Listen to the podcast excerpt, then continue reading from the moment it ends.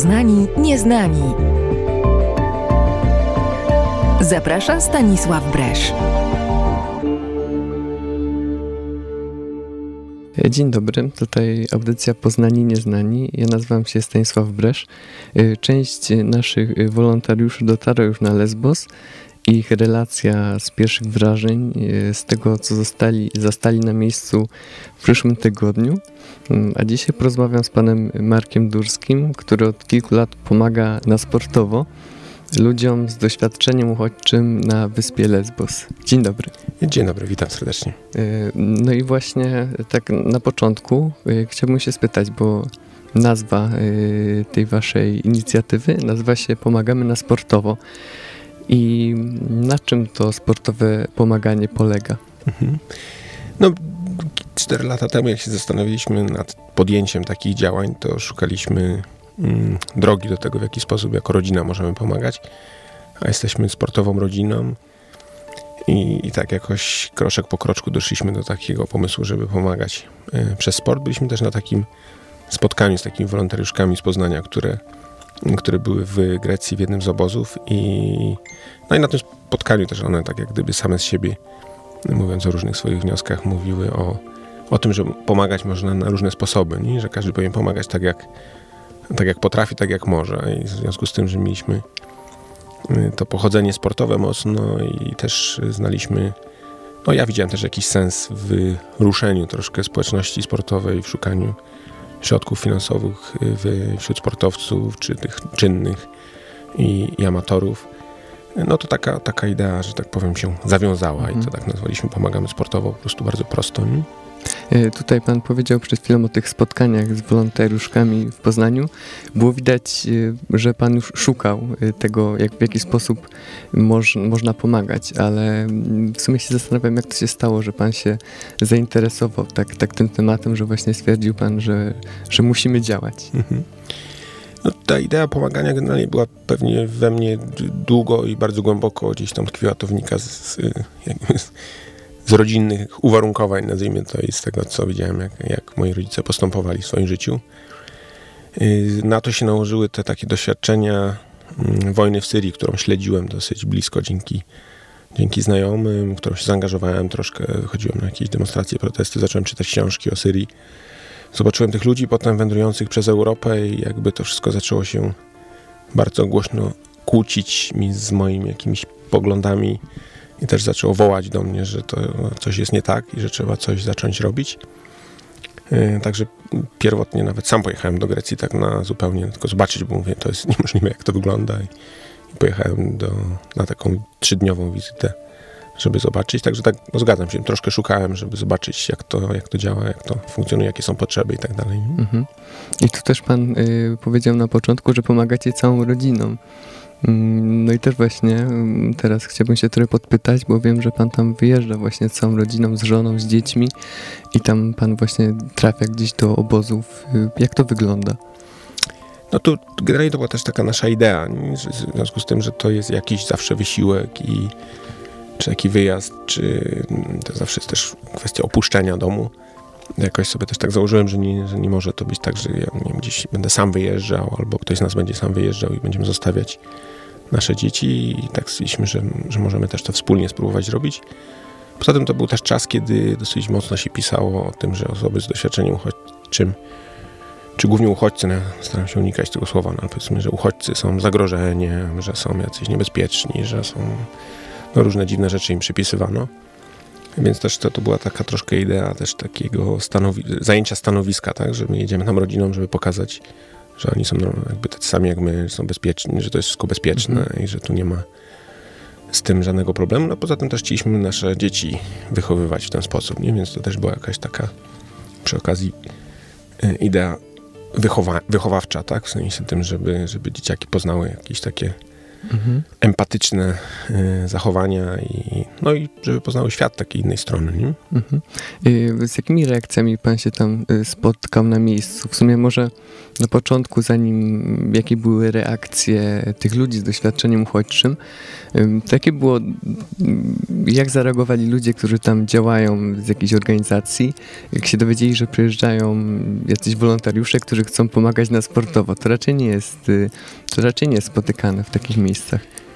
No nie, nie. To też nie było pewnie łatwe, żeby to zorganizować, ten pierwszy wyjazd, z względu, że ludzie nie mieli zaufania i tak troszkę na nas patrzyli pewnie dziwnie, nie wiedzieli o co chodzi do końca. Mm, sama idea też rodziny, jak gdyby, no to też tak było, powiedzmy, nazwijmy to, że to wszystko było na moją odpowiedzialność, tak? W tym sensie, że de facto wolontariusze musi być pełnoletni i tak dalej, i tak dalej. Więc, więc jak gdyby ta idea była z troszkę no taka spoza marginesu regularnej pomocy. No ale w praktyce się okazała możliwe, bo ja generalnie ten pierwszy wyjazd jak jechałem, to pojechałem najpierw na tydzień wcześniej sam. Y, dałem znać, że wszystko ok, że przyjeżdżajcie, wszystko jest, okay, jakby, wszystko jest przygotowane, także to też zrobiliśmy wszystko z głową.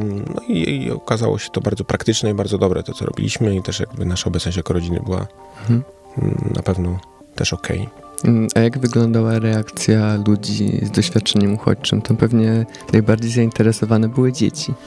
Mm, tak, znaczy, ze względu na to, że prowadziliśmy zajęcia sportowe wśród dzieci małych, to równo obecność moich czy naszych dzieci nam pomagała w tym sensie, że one nawiązywały relacje. Zresztą taka była też idea nasza, że na pewno nasze dzieci nam też pomogą po prostu, będą, będą te relacje budować. To też jakiś był pewnie też znak dla tych ludzi ogólnie jako tako, że przyjechała rodzina, więc jak gdyby nie... No, no, generalnie ci ludzie w ogóle dążą do nawiązywania kontaktów, tak? To, to nie jest tak, że to jest jakaś zamknięta grupa ludzi, którzy gdzieś omijają Europejczyków. Jak już tutaj są, to, to szukają tego kontaktu. Natomiast my na pewno jako rodzina mieliśmy jeszcze łatwiej, jak gdyby, nie? Dla nich to było w ogóle super ciekawe, że cała rodzina, że, że jest... Yy, no, że jest pełna rodzina, tak? Że to są trójka dzieci, że, że jesteśmy razem, że przyjechaliśmy do nich i to, to naprawdę wzbudzało wiele, wiele takiej sympatii wśród tych ludzi, wiele zainteresowania i poznawaliśmy masę ludzi, którzy podchodzili się pytali w ogóle, wow, co, co mhm. my tutaj robimy, jak to się stało i no i nasze dzieci też wzbudzały jakieś tam za, za, zainteresowanie, tak? No bo to powiedzmy, że nie, nie, nie zawsze widzą wśród wolontariuszy czy wśród ludzi działających jakieś, jakieś młode osoby, nie? Także to, to na pewno było też ciekawe, nie? Natomiast z samego początku no, wymagało pewnego, pewnej motywacji naszej i pewnego zaangażowania, bo, bo na początku nie, nie do końca organizacje, z którymi się mhm. kontaktowaliśmy, wiedziały o co nam chodzi i, i troszkę tak patrzyły z pewnym dozą dystansu. No ale też im się nie dziwię, no bo to, to wszystko też nie jest łatwe i ten pierwszy rok był trudny, bo tam było dość, dość dużo napięć na wyspie i, i, to był taki trudny rok, także to, to na pewno też nie, nie ma co się dziwić temu takiej ostrożności w, mhm. takich, w ocenie takiego pomysłu. Nie? A jak wyglądało to, co robiliście w obozie? Mm. My w czasie tego pierwszego wyjazdu działaliśmy przy obozie, między obozami tak naprawdę dwoma, w organizacji takiej, która się nazywała One Happy Family. To była taka organizacja, no taki, nie wiem, jakiś rodzaj, ja to nazywałem takim domem kultury dla ludzi doświadczeniem, dla ludzi z doświadczeniem uchodźczym z tych obozów. tam można było przyjść, po prostu spędzać czas, były różnego rodzaju usługi, nie wiem, fryzjerzy, kafeteria była taka, byli krawcy, jakiś taki zakład krawiecki, była dystrybuowana pomoc.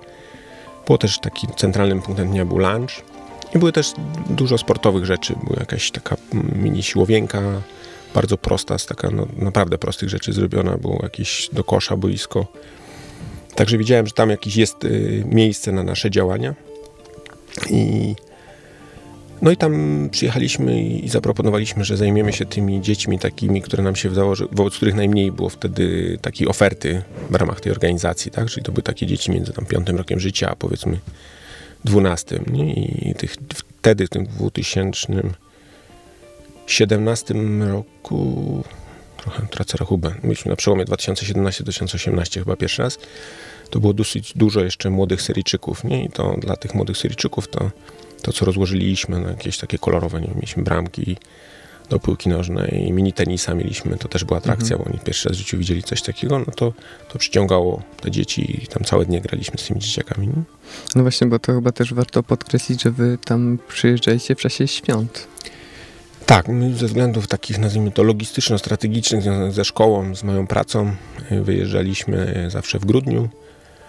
No, dlatego, że to było możliwe po prostu ze względu na, na, na, jakby możliwości. Wakacje latem mam dosyć sporo pracy, a z kolei w tym okresie nie mam pracy, no i też jest przerwa w szkole, czyli dla dzieciaków to nie, naszych to nie był problem. Y, no i tak, tak zaczęliśmy jeździć w święta do, do Grecji i spędzać je na Lesbos. Też tak sobie pomyślałem, że dużo się mówi o tym, że ludzie z doświadczeniem uchodźczym, którzy y, żyją w obozie, mają jakieś traumy i tam jest potrzebna realna pomoc y, psychologiczna, której często brakuje. No i wiadomo, że takie zajęcia sportowe nie zastąpią terapii, ale na pewno mogą jakoś pomóc y, w takiej może takim zapomnieniu, że się jest w, w, w, uwięzionym praktycznie w obozie, że to jest taka odskocznia, która w jakiś sposób pomaga tak psychicznie odbić. No tak, zdecydowanie jakby jestem zwolennikiem tej teorii, bo to tak jak nam sport ludziom tutaj mieszkającym w bezpiecznym świecie pomaga jak gdyby się odstresowywać, pomaga nam zachowywać dobry nastrój, no to tak samo tam działa, tak? Czyli że ci ludzie żyją pod jakąś presją niewiedzy odnośnie ich następnego dnia, to możliwość ruchu, możliwość zabawy, możliwość pogrania w jakąś grę, czy w siatkówkę, czy, czy właśnie tenisa, no to na pewno był ten moment, kiedy mogli na chwilkę zapomnieć o swoich, o swoich troskach, a dla dzieciaków to był też moment po prostu jakiejś radości, takiej zwykłej dziecięcej. I to na pewno ma sens, nie? W sensie zdecydowanie tutaj to nie mam co do tego wątpliwości, że to miało mm, głęboki sens, tym bardziej, że że udawało nam się jakieś tam realizować takie projekty, które po nas zostały, w tym sensie, że po tym pierwszym wyjeździe my dwóch takich y, bystrych chłopaczków młodych przyuczyliśmy jak gdyby do tych zajęć, także zostawiliśmy cały sprzęt i oni potem przez kilka miesięcy, dopóki byli na wyspie, to prowadzili za nas jak gdyby te zajęcia z mini tenisa. Mhm. To były takie bardzo proste zajęcia, no to wystarczyło się po prostu bawić tymi piłkami, ale oni przychodzili, rozkładali te sprzęty sobie i i się tym bawili, więc mieliśmy z tego satysfakcję, że dwóch ludzi ma jakąś tam czas i kontynuuje te nasze działania. Nie? I drugim takim mini projekcikiem, który po nas został po tym pierwszym wyjeździe, było to, że, że zbudowaliśmy po prostu dzięki środkom, jakie mieliśmy z zbiórek, takie prawdziwe boisko do piłki siatkowej, plażowej, powiedzmy, mhm. bo tam generalnie było dosyć dużo Persów też, powiedzmy ludzi pochodzenia perskiego, czyli z Afganistanu i z Iranu i tam jest siatkówka bardzo popularna, więc oni grali bez przerwy tam siatkówkę na, no przez jakąś taką linkę zawieszoną między drzewami na takim bardzo skalistym podłożu. I, no i nie wiem, w tym obuwiu, którego często było już takie całe tam po, poniszczone, no to stwierdziliśmy, że razem z prowadzącymi ten ośrodek, że jeżeli możemy coś zrobić, no to, to, to chcielibyśmy zrobić właśnie takie boisko, nie? Także taki projekcik zrobiliśmy i, ten, i to, to boisko do dzisiaj pewnie tam funkcjonuje jako jako boisko do piłki y, takiej plażowej siatkówki, no więc na pewno ci ludzie z tego, wielu ludzi z tego korzystało, mhm. także też miało sens po prostu. Ja czytałem w internecie wywiad z panem y, mhm. i tam właśnie pojawił się wątek takiego chłopaka, który biegał jakieś maratony górskie właśnie na Lesbos z, z obozu i że był zorganizowany potem jakiś bieg i on wygrał nawet z jakimś profes profesjonalnym maratończykiem. No i właśnie tak sobie pomyślałem, że pewnie dużo jest takich nieodkrytych talentów y, w obozach dla uchodźców. No, no zdecydowanie tak. I wiadomo, że nie tylko sportowych, że tak, to jest tak, takie, no. że... Zdecydowanie tak, no to jest taka społeczność jak każda inna, nie? Jak, jak wśród nas są ludzie o wybitnych Y, umiejętnościach, to, to również tam są ludzie, którzy mają jakieś dane umiejętności. Są artyści, są y, wiem, ludzie, poeci, są ludzie, którzy pięknie śpiewają, pięknie tańczą, i sportowcy, i, i ludzie, którzy do nauki, że tak powiem, mają talent, nie? Także jak wszędzie, nie? Jak w każdym, mhm. jak w każdym społeczeństwie, tam i tam są też wybitne jednostki. Nie? Do naszej rozmowy wrócimy po krótkiej przerwie, e, a posłuchamy w niej WW, piosenka pod tytułem Przybysze. Już ją kilka razy puszczałem w audycji, ale tak mi się wydaje, że ona właśnie idealnie pasuje do, do tych tematów. Tam jest y, powiedziane, że, że w, w ostatecznej chwili ktoś mnie zapyta, y, słuchaj no mały, kiedy coś innym od siebie dałeś. I to jest, y, to jest pytanie, które chyba powinniśmy sobie zadawać często. I no a my wrócimy po przerwie. Moim gościem dzisiaj jest pan Marek Durski.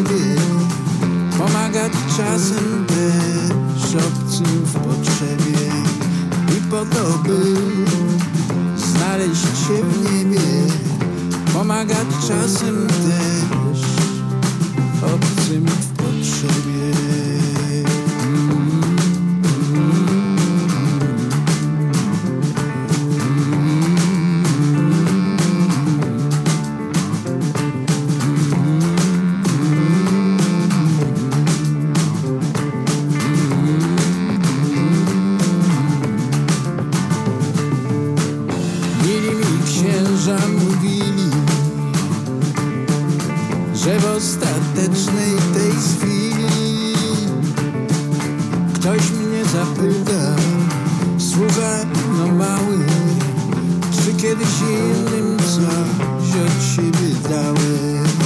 Ktoś mnie zapyta, słuchaj no mały, czy kiedyś innym coś od siebie dałeś?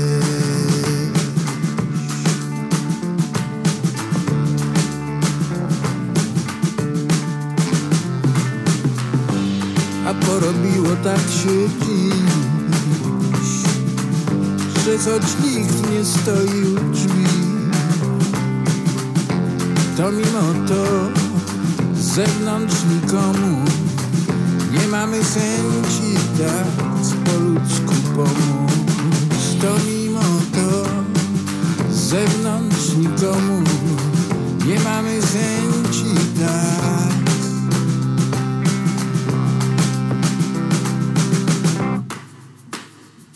Po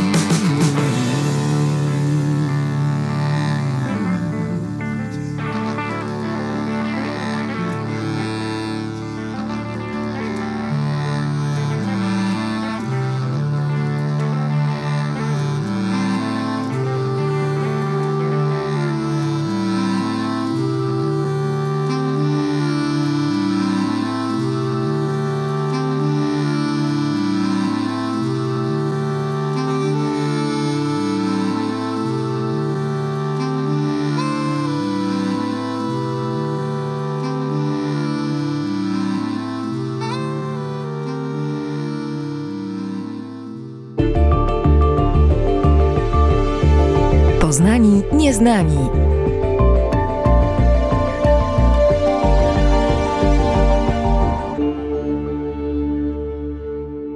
I wracamy po, po przerwie.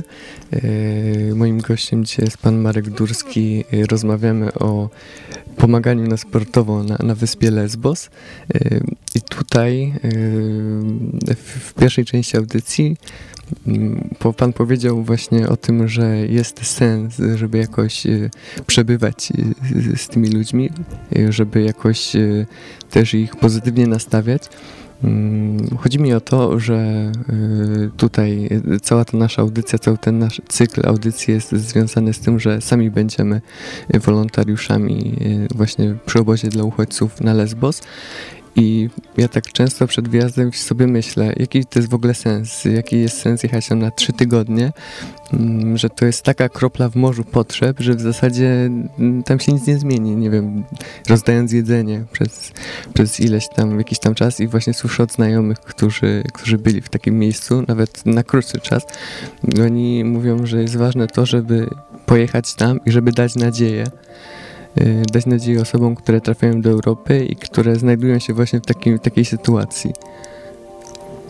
No, w stu procentach zgadzam się z tym. Nie? Jakby nigdy nie miałem wątpliwości, że, że jeżdżenie tam ma sens. Jak gdyby my tego sensu szukaliśmy i szukaliśmy jakichś sposobów, żeby lepiej to robić, żeby efektywniej e, pomóc.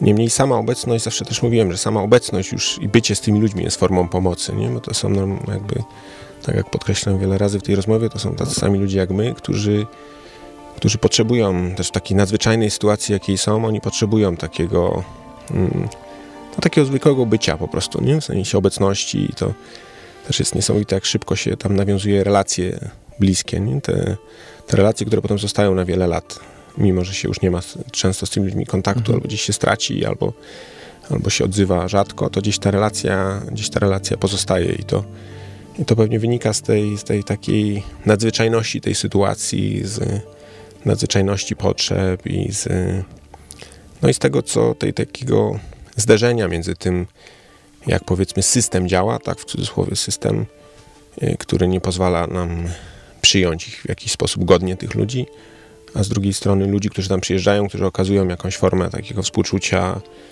y, sympatii, nie wiem, miłosierdzia może, mhm. dużego słowa nie użyję, ale ale i to, i to jest jakiś taki kontrast też, nie? Który, który pewnie jest też potrzebny, żeby oni widzieli, że to, że Europa jest y, złożonym organizmem i są różne sytuacje, nie? że system jest trudny, ale że w Europie są też ludzie, mhm. którzy, którzy odczuwają, którzy są w stanie jak gdyby wejść w ich w ich świat, ich tak, tak, w ich buty i w ten ich świat cierpienia i takiego, takiego niesamowitego jakiegoś, którego trudno sobie wyobrazić nam mm, no, świata takich przeżyć jakichś nie, niewyobrażalnych. Nie? To jest nie, nie, nieprawdopodobne nie? dla nas, co, co część tych ludzi mhm. przeżyła w swoim życiu. Nie? Mm, właśnie tu pan przed chwilą powiedział o tym y, nawiązywaniu relacji i tak sobie pomyślałem, że skoro tam pan jeździł przez kilka lat y, i to tak się zastanawiam, czy na przykład było tak, że przyjeżdżacie tam za, za drugim razem i, i, nagle trafiacie na tych samych ludzi, którzy, z którymi jakoś się zaprzyjaźniliście rok wcześniej i już była taka, i już po prostu mogliście być w takiej miłej atmosferze, że się znacie i że tacy powiedzmy, nie wiem, zna, którzy cię witają i jest tak sympatycznie od razu? No tak, zdecydowanie tak było. Nie? Już po, po, przy drugim razie, jak byliśmy, to spotykaliśmy znajomych, którzy niestety ich spotykaliśmy. No zawsze mówiliśmy, że nie chcemy się spotykać już tam, ale, ale niestety spotykaliśmy się z osobami, których widzieliśmy rok wcześniej. No i tak samo było analogicznie w, w tym trzecim roku, nie? kiedy byliśmy trzeci raz, tak samo spotykaliśmy ludzi, którzy, których rok wcześniej spotkaliśmy, lub niestety też takie osoby, które, które były zupełnie tam utkwiły i, i od wielu lat były na wyspie. Nie? I to, mhm. no i to były serdeczne spotkania, takie takie niesamowicie serdeczne i, i trudno to porównywać do czegokolwiek, bo to często są takie bardzo proste relacje oparte na ten język tych ludzi, czy też nas, nasz jest bardzo prosty, no nie, nie zawsze byliśmy w stanie się porozumiewać, ale, ale w warstwie emocjonalnej czuć było jakąś taką no, niesamowitą więź z, z tymi ludźmi, nie? Także to, to na pewno tam tam jest. Mhm. No właśnie, bo, bo, jaka jest perspektywa, y, jaka jest perspektywa przyszłości dla osoby, która trafia do takiego obozu gdzieś na, na greckiej wyspie? No to niestety jest bardzo sytuacja dynamiczna, bo to kiedyś to była kwestia przeciągania się procedur w nieskończoność, tak? Ci ludzie tam 4-5 lat często byli w tej procedurze azylowej. No teraz mamy takie przypadki, nie? że osoby, powiedzmy, które poznaliśmy 4 lata temu, właśnie w tych dniach ostatnich, nie wiem, przed tygodniem, przed dwoma tygodniami otrzymują y, wnioski y, czy decyzje azylowe, tak, że są uznani jako osoby z doświadczeniem uchodźczym, czy jako uchodźcy w Grecji. No i tu się można zastanawiać, nie dlaczego to tak długo trwa i tak dalej. Natomiast no, teraz jest sytuacja zupełnie inna, bo, bo, bo już jakby te, te, te warunki się, że tak powiem, zdecydowanie pogorszyły nie? i te, te procesy azylowe. No to jest trudny temat, jak gdyby, nie? To nie wiem, czy to jest temat na tą audycję, czy chcemy rozmawiać o takich rzeczach, które są nieprzyjemne, ale na pewno, na pewno to jest sytuacja dynamiczna i w tej chwili problemem jest w ogóle złożenie jako tako po prostu wniosku o azyl, tak? Czyli to, co teoretycznie jest prawem człowieka, że każdy ma możliwość złożenia w imię prawa międzynarodowego, tak, usankcjonowane jest to prawem międzynarodową, konwencją genewską, że każdy ma prawo do, do złożenia takiego wniosku na granicy, no w tym momencie jest to w ogóle utrudnione, jak gdyby tak, bo istnieją mhm. te pushbacki, te, te brutalne takie cofnięcia tych ludzi, którzy lądują w Grecji i są gdzieś tam w nocy wywożeni z powrotem na łódkach, na tratwach takich, często są małe dzieci, kobiety w ciąży, ludzie chorzy, jacyś poranieni, wsadza się ich z powrotem, żeby zdryfowali na stronę turecką. No i to są, jakby to nie są incydenty, tylko to jest system już w tej chwili, mhm. czyli to są tysiące osób, które w ten sposób są odsyłane. Nie? Czyli ta sytuacja jest na tyle dynamiczna, że zmieniła się już, już teraz de facto samo złożenie wniosku jest już wydarzeniem, tak? No mhm. bo, bo ono przysługuje już tylko nielicznym, nie? że że większość ludzi jest odsyłana po prostu w sposób taki bezwzględny. No ja widziałem ostatnio zdjęcie, że jakaś grupa właśnie ludzi, którzy na granicy zostali pozbawieni ubrań, nie wiem, czy też pobici i odesłani do Turcji z powrotem.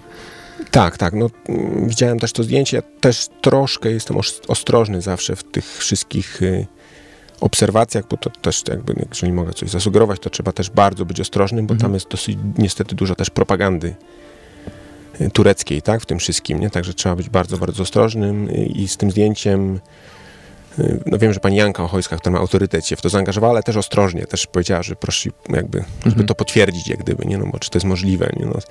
Jeśli, no to jest ostre, to jest Tak, to już jest, że... tak, tak, to jest ostre i to nie wiadomo, no ja, my pomagamy teraz, y, wysłaliśmy też, zrobiliśmy taką ekstra zbiórkę, wysłaliśmy pieniądze, czy będziemy też w jakiś sposób pośrednio pomagać w utrzymaniu takiej kobiety, palestynki, która z czwórką dzieci przeżyła taki pushback na, na wyspie Samos, w sensie takim, że ona była jedyną osobą, której się jakimś totalnym cudem udało uciec y, przed policją. Całą resztę jak gdyby tej jej y, towarzyszy podróży przez, y, przez morze cofnięto, a ona gdzieś tam z dziećmi przez jakieś lasy, gdzieś na wyspie Samos kilka dni głodowała z, no, bez wody, bez niczego gdzieś tam jakoś no, zupełnym jakimś nie, nie, niewyobrażalnym rządzeniem losu przeżyła na tej wyspie i trafiła, wychodząc gdzieś w jakieś cywilizowane miejsce, trafiła na prawnika, co też jest jakimś totalnym zbiegiem okoliczności i ten prawnik ją po prostu no, zaopiekował się nią, także ona teraz jest już transferowana do, do Aten i, właśnie wobec niej realizowaliśmy taką, taką ekstra pomoc. No także ta rzeczywistość jest y, strasznie trudna, nie? Strasznie trudna. Ja też obserwuję taki profil taki profil e, na Facebooku, który jest powiedzmy, że takim profilem dla ludzi szukających e, drogi do Europy. I oczywiście to wszystko jest w językach jakichś, że tak powiem, których nie rozumiem, ale dzięki tłumaczowi automatycznemu jestem w stanie konteksty odczytać, czy, czy informacje. I tam jest masa informacji o tym, co się dzieje na granicach.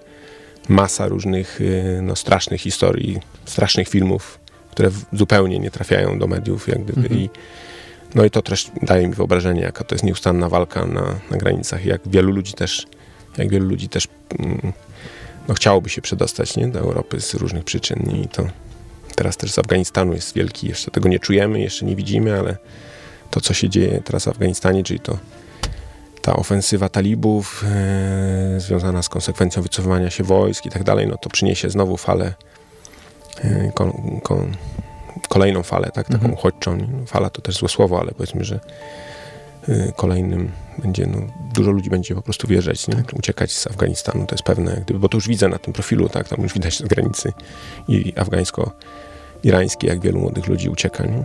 Mhm. Tutaj pan powiedział o tej pogarszającej się sytuacji i um, tak mi w głowie od razu y, COVID i to, to, że się, to, że obóz Moria spłonął w zeszłym roku. Nie wiem, czy to pan miał na myśli, czy jakieś inne są rzeczy, które... No, bardziej myślę o tych, o tych bushbackach, o, mhm. o tym jakby o tych procesach, które już nie są procesami, tak? Czyli o, tych, y, o tym sankcjonowaniu, jak gdyby tych utrudnianiu y, życia ludziom, z, którzy już mają statusy, o ograniczaniu ich praw, o te okresy, skrócono okresy pomocy. Teraz mieliśmy taki też przypadek, że takiego człowieka znamy, który jeszcze, nie wiem, z trzy miesiące temu płakał ze szczęścia i pisał nam, że dostał azyl, że jest tak szczęśliwy, że ma wreszcie azyl i tak dalej, a po dwóch miesiącach napisał, że prawo się zmieniło i skończyło, skończyła mu się pomoc jak gdyby rządu greckiego i rząd grecki mu przedstawił dwie opcje, albo deportacja, ale znaczy albo powrót, nie deportacja, bo to jest jakby złe słowo w tym jego przypadku, albo powrót dobrowolny, albo z powrotem do obozu wracanie, czyli, mhm. czyli on wrócił jak gdyby mając status, wrócił z powrotem do obozu, bo nie ma dla niego mechanizmów integrujących, nie ma mechanizmów w Grecji, które by dalej coś tym ludziom oferowały, nie? To, to jest na zasadzie, ok, musicie sobie poradzić, jak mhm. sobie nie poradziłeś, no to... A jak, to... jak miał azyl, to nie mógł y, pojechać nigdzie dalej? Musiał w Grecji dostać? Y, czekał na dokumenty jeszcze, nie? Bo to też jakby jest decyzja, potem jest kwestia dostania dokumentów, tak? I często mhm. to dostanie dokumentów też się przeciąga miesiącami, a w skrajnych sytuacjach nawet więcej niż miesiącami, nie? Także on miał taką sytuację złożoną, a w międzyczasie stracił to wsparcie finansowe, tak? Bo tam każdy każdy, każda osoba, która już jest zarejestrowana, dostaje jakieś e, kwoty drobne pieniędzy, dzięki którym się jest w stanie, powiedzmy, w jakiś sposób i dzięki wsparciu różnych organizacji utrzymać, tak, w taki czy inny sposób, nie? Bardzo jakiś mhm. prosty i, i prymitywny, no ale są to jakieś środki, nie? Także jak oni to stracą, a nie mają żadnych innych zasobów, no to de facto jedynym, y, moment, jakby jedyną możliwością jest życie na ulicy, nie? Mm, a czy w związku z pogarszającą się tą sytuacją i z tym, że coraz trudniej jest y, cokolwiek tam robić, y, wy będziecie mogli cały czas y, w ten sam sposób pomagać, wyjeżdżając tam na przełomie roku do, do obozu albo gdzieś w okolicy obozu? Mm, tego jeszcze nie, nie wiem. Myślę że, myślę, że realnie patrząc już nie pojedziemy razem z tego względu, że do Grecji, z tego względu, że nie, nie no, jakby mimo wszystko zawsze szukaliśmy sensu, a w tym momencie mm, tego sensu pewnie już nie widzimy bo, no bo skończyły się warunki jak gdyby do działania. Tak wiele organizacji ma problemy, jest tam duża presja ze strony władz. Była przecież cała taka, mm, rok temu była cała nagonka tych wszystkich skrajnie prawicowych organizacji, które, które de facto no, tam dochodziło do jakichś rękoczynów na wyspie Lesbos i wolontariusze byli, że tak powiem, gonieni po ulicy przez jakichś e, panów, którzy mieli odmienne zdanie i to no pytanie jest po co, nie? W sensie tutaj jak będziemy, będziemy szukać tego sensu, ale na ten moment miał powiedzieć, odpowiedzieć, to, to myślę, że w tym roku też pewnie nie pojedziemy. To też jest trwa pandemia, nie? to też utrudnia, mm. bo to ta pandemia też jest pewnie wykorzystywana troszkę do tego, żeby zamykać tych ludzi, żeby zamykać obozy i no, skomplikowane to jest bardzo. Tak, y, ale w tym działaniu pan teraz nie widzi sensu na, na ten moment, tak, ale, tak, ale moment. cały czas działacie, cały czas tak, no, działa. To, tak, no, szukamy cały czas możliwości, żeby pomagać, bo to powiedzmy, że jak już y, się powie, jak się zrobi ten pierwszy krok, to często jest taki krok już, którego trudno zawrócić, nie? To często jakby tłumaczę moim znajomym, czy jak rozmawiamy, nie, no to oni tak troszkę patrzą no to, no, bo coś, wciągnąłeś się w coś, nie? To nie jest kwestia wciągnięcia się, tylko kwestia pewnego doświadczenia i pewnego i pewnego jakby takich y, mm, no, wewnętrznych rzeczy, nie? W sensie związanych z wartościami i z, i z tym, czy możesz o czymś zapomnieć, albo, albo co uznajesz za ważne w życiu, nie? Albo co nie, nie? I mhm. jeżeli się pozna coś takiego, dotknie, zobaczy, to na pewno w jakimś sensie my też jesteśmy uprzywilejowani w niesieniu tej pomocy, w tym sensie, że my czujemy, po co to robimy, dlaczego i dlaczego się to powinno robić. Nie? Jeżeli ktoś tego nie dotknie, nie widzi, tylko czyta jakieś nagłówki, że ktoś tam jakaś łódź przybiła albo jakaś tam fala nadciąga albo jakieś zagrożenie i tak dalej, no to, to powiedzmy, że nie czuję tej potrzeby, nie? Natomiast my poprzez te relacje, poprzez kontakty, poprzez te obrazy, które pamiętamy i tak dalej, no to gdzieś tam ta potrzeba zostaje, no i no i też tak, y, to jest takie moje osobiste założenie, no, że tak po tych doświadczeniach swoich y, y, tych wyjazdów stwierdziłem, że, że trzeba mm, znaleźć w życiu momenty, takie małe momenty, nawet takim codziennym życiu, że to nie może być akcja na zasadzie, że oj, bo mam jakąś, nie wiem, wolne albo, albo mam jakiś kaprys i pomogę coś gdzieś, da, wrzucę jakiś datek, tak, że to, że życie na tym nie powinno polegać, tylko jednak powinno polegać na takim codziennym pomaganiu, nie? że to czasami mam więcej czasu, czasami mniej, ale to jest jednak stały proces. Nie? I to i gdyby każdy z nas znalazł tak trochę swojego czasu, tak parę minut dziennie albo w tygodniu, pół godziny, godzinę, to pewnie byśmy żyli w lepszym świecie po prostu, nie? Gdyby, gdyby każdy gdzieś, tak jak dla wielu ludzi, nie wiem, jest jogging jest obowiązkowy, albo spotkanie z przyjaciółmi, albo nie wiem, nauka języków, podróżowanie, tak? Gdyby każdy gdzieś tam miał nas, że warto pomagać, tak? W sensie, że codziennie można zrobić mały kroczek ku niesieniu pomocy drugiemu człowiekowi, że to, że to ma sens. No, no to mówię, to, to byśmy żyli w mhm. ciekawym świecie, lepszym, nie? Mm, to jak w Polsce można pomóc ludziom z doświadczeniem uchodźczym? Mm. Ja zawsze mówię, że jakby ta, ta, pomoc jest taka wieloetapowa. Wydaje mi się, że najważniejszą e, rzeczą jest to, żeby samemu zacząć poznawać tą rzeczywistość, nie? czyli to jest taki pierwszy krok w niesieniu pomocy. Nie? Może to brzmi dziwnie, no bo co to jest za pomoc, ale to jeżeli ktoś zacznie czytać właśnie książki, troszkę poszpera w internecie, troszkę filmów pogląda, jest wiele filmów takich e, ciekawych, czy to na YouTube, czy, czy można też oficjalnie obejrzeć, nie wiem, Human Flow, e, czy, czy inne, to, to gdzieś się, to, to powinna się narodzić motywacja w człowieku, tak? W tym sensie, że on zrozumie po co, dlaczego i, i dlaczego powinniśmy się zajmować e, kwestiami związanymi z migracją i z, z, z uchodźstwem i to, to wtedy rodzą się naturalne odruchy i to jest taki pierwszy, pierwszy krok do pomagania, bo taka pomoc na zasadzie tylko czystych emocji chwilowych, no to ona pewnie wyparuje po pierwszej akcji, nie? Albo przy pierwszych trudnościach gdzieś o tym zapomnimy, bo jest oj, ciężko, bo organizacja nas nie chce, bo się ktoś nie odzywa, bo ktoś nie odpisuje, to e, nie, nie będę tam działać, nie? A jeżeli ktoś zrozumie jakby całe, całą złożoność tego tematu i, i obudzi w sobie jakąś taką silną motywację, no to, wie, to wiem, że każdy znajdzie jakąś drogę, nie? I tych w Polsce też już są czy to rodziny czeczeńskie, czy, czy pojedyncze czasami rodziny. W Poznaniu też mamy pojedyncze rodziny z doświadczeniem uchodźczym i, i można nieść taką bezpośrednią pomoc, można wywierać presję, no bo to jest też temat taki dla nas trudny, żeby wywierać presję jakąś na nasz, yy, władzę naszego kraju. Tak, to jest też forma pomocy. Można nieść presję, wywierać presję na instytucje inne, które są obdarzone autorytetem społecznym w tym kraju, które w moim przekonaniu powinny robić więcej w tym celu, żeby wykorzystywać swoją pozycję do tego, żebyśmy zmienili swoje nastawienie jako państwo i przyjęli troszkę ludzi. Bo ten proces, jakby ten mm, proces migracji nie ustąpi. Y, ludzie z doświadczeniem uchodźczym, czy migranci, bo dla mnie to jest jakby też ma znaczenie. Oni będą stali u naszych granic i no i to mm, gdzieś będzie nam towarzyszyło, nie? Także to powinniśmy coś robić po prostu. Mhm. Takie mam przekonanie każdego dnia. Y, jeszcze takie pytanie na koniec. Y, chciałbym pociągnąć ten wątek rodzinny, bo to jednak jest bardzo nietypowe, że tak całą rodziną nie baliście się tam pojechać. No i tak, takie pytanie, co wam dało to, że, że tak kilka sezonów święta właśnie w przełom roku spędziliście w, tak, w takim miejscu? Mm, powiem tak, że głęboko nad tym się nie zastanawiałem, co nam to dało, ale myślę, że na pewno zbudowało jakieś, no to jest też świat wspólnych przeżyć, nie? Z dziećmi rodzinnych, takich fajnych, także to ciekawych, innych, więc to na pewno jest jakaś taka płaszczyzna zrozumienia się z dziećmi lepsza. Hmm. Myślę, że dla naszych dzieci to też było ważne, w tym sensie, że to wróci do nich. Oni, Maksio, jak wyjeżdżaliśmy pierwszy raz, to miał mm, 11 lat, czyli powiedzmy był jeszcze takim mm, no jeszcze nie był nastolatkiem, to na pewno wróci do nich, jak będą starsi, tak? Gdzieś to sobie, gdzieś to będą sobie przypominać, gdzieś te, ten, ten y, taki świat, inny świat będzie do nich wracał i wierzę, że dzięki temu czyni ich bardziej wrażliwymi, empatycznymi i będą dobrymi ludźmi po prostu w życiu codziennym. I to jest ważne.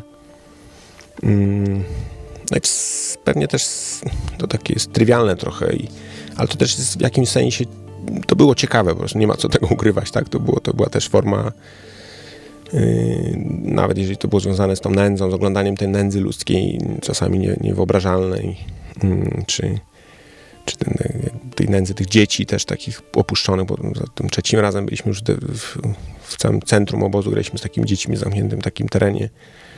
I to było takie no, przykre dla nas, tak? Obserwowanie takich dzieciaków bez rodziców już zupełnie e, niesamowitych, to, to było ciężkie, to jednak to, no, to też budowało jakąś taką ciekawość tak, naszego życia, tak, w rodzinnego, nie? że jako rodzina robimy coś takiego innego, że spędzamy czas inaczej i, i, to, i to na pewno też była jakaś taka wartość, tak, że można jechać na wspólne wakacje jako rodzina i mieć fajny czas, ale można też coś innego robić takiego zupełnie Mhm.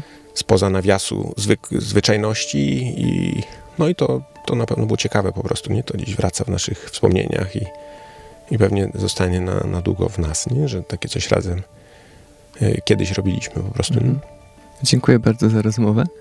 Moim gościem był pan Marek Durski, który działał jako, jako wolontariusz i teraz też działa razem z rodziną na wyspie Lesbos.